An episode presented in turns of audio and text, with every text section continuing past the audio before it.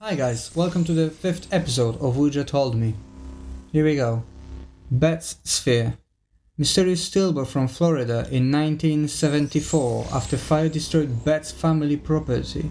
They found strange metal sphere in their yard. They believed that it was definitely a historic cannonball from Florida's Renaissance era Spanish colonizers. But there was something strange about the sphere. It was free of corrosion, clean and shiny.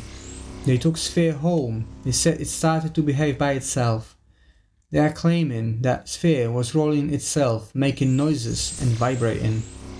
What is very interesting and worth to mention is when they put Sphere on the floor, it was sent in one direction.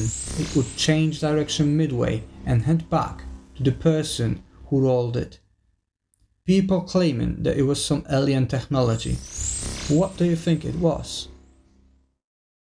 The Fourth Kind, fake or real? The Fourth Kind is a 2009 American sci-fi psychological horror film. The film is a pseudo-documentary recountment of true events that occurred in Nome, Alaska.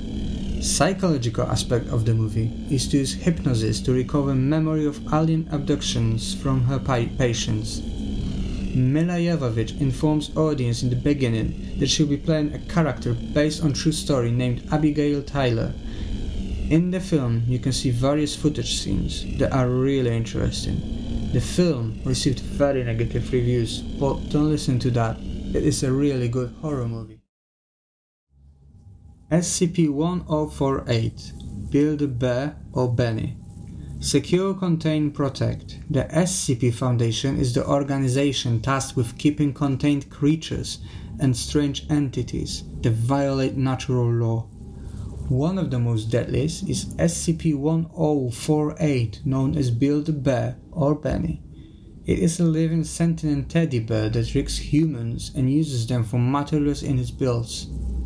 For the first seven months, SCP-1048 was classified as safe. However, the Foundation soon discovers that Benny was collecting materials of human subjects and building living duplicates of itself with these materials. First creation SCP-1048-A was comprised entirely of human ears. SCP-1048 first appears to be kind, friendly, enthusiastic, and charming, but this is a facade. At the end, he will find you, and who knows, maybe you will be his next victim used for his new project.